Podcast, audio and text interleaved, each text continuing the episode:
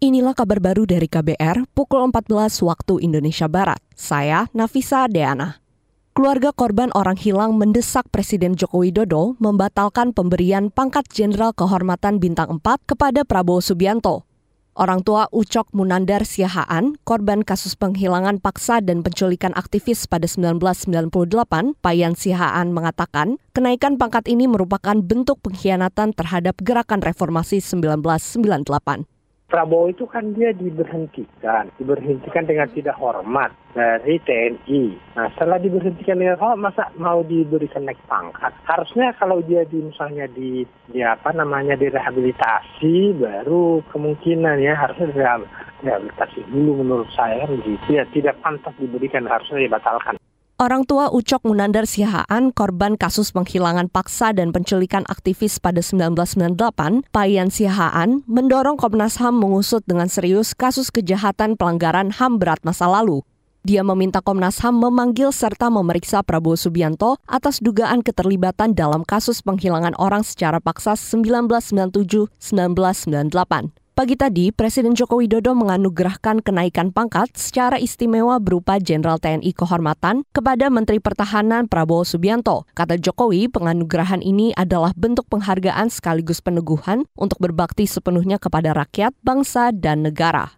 Kita ke berita lain, saudara. Panglima TNI Jenderal TNI Agus Subianto menekankan penanganan konflik di Papua melalui metode Smart Power. Menurutnya, metode ini merupakan cara yang tepat untuk dapat menangani masalah-masalah di bumi cendrawasih tersebut.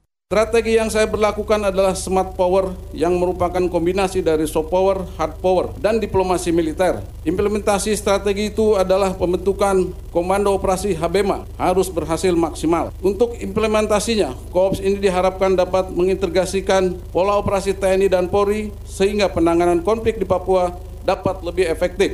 Panglima TNI Jenderal TNI Agus Subianto menambahkan akan memperkuat kerjasama antara TNI Polri untuk mempercepat penyelesaian konflik di Papua. Kata dia, Papua memiliki karakteristik wilayah dan budaya tersendiri, sehingga untuk menyelesaikan konflik harus memahami terlebih dahulu.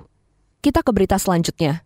Ex-Menteri Pertanian Syahrul Yassin Limpo SYL didakwa memeras dan menerima gratifikasi total 44,5 miliar rupiah Jaksa KPK Taufik Ibnu Groho menyebut tindakan SEL tersebut dilakukan bersama dengan Direktur Alat dan Mesin Pertanian Kementan, Muhammad Hatta, dan Sekretaris Jenderal Kementan Kasdi Subagiono. Terdakwa selaku Menteri Pertanian RI periode tahun 2019 sampai dengan tahun 2023 meminta, menerima, atau memotong pembayaran kepada pegawai atau penyelenggara negara yang lain atau kepada kas umum, yaitu dari anggaran sekretariat Direktorat dan Badan pada Kementerian Pertanian RI sejumlah total 44 miliar 546 juta 79.044 rupiah. Jaksa KPK Taufik Ibnu Groho mengatakan pemerasan terjadi ketika SYL dilantik menjadi mentan pada 2019. Kata dia, SYL memerintahkan bawahannya, yaitu staf khusus Menteri Imam Muhajirin Fahmid, Eksekjen Perkebunan Kasdi Subagiono, serta Muhammad Hatta dan Panji Haryanto untuk mengumpulkan uang dari pejabat di jajaran Kementan. Demikian kabar baru dari KBR, saya Nafisa Deana.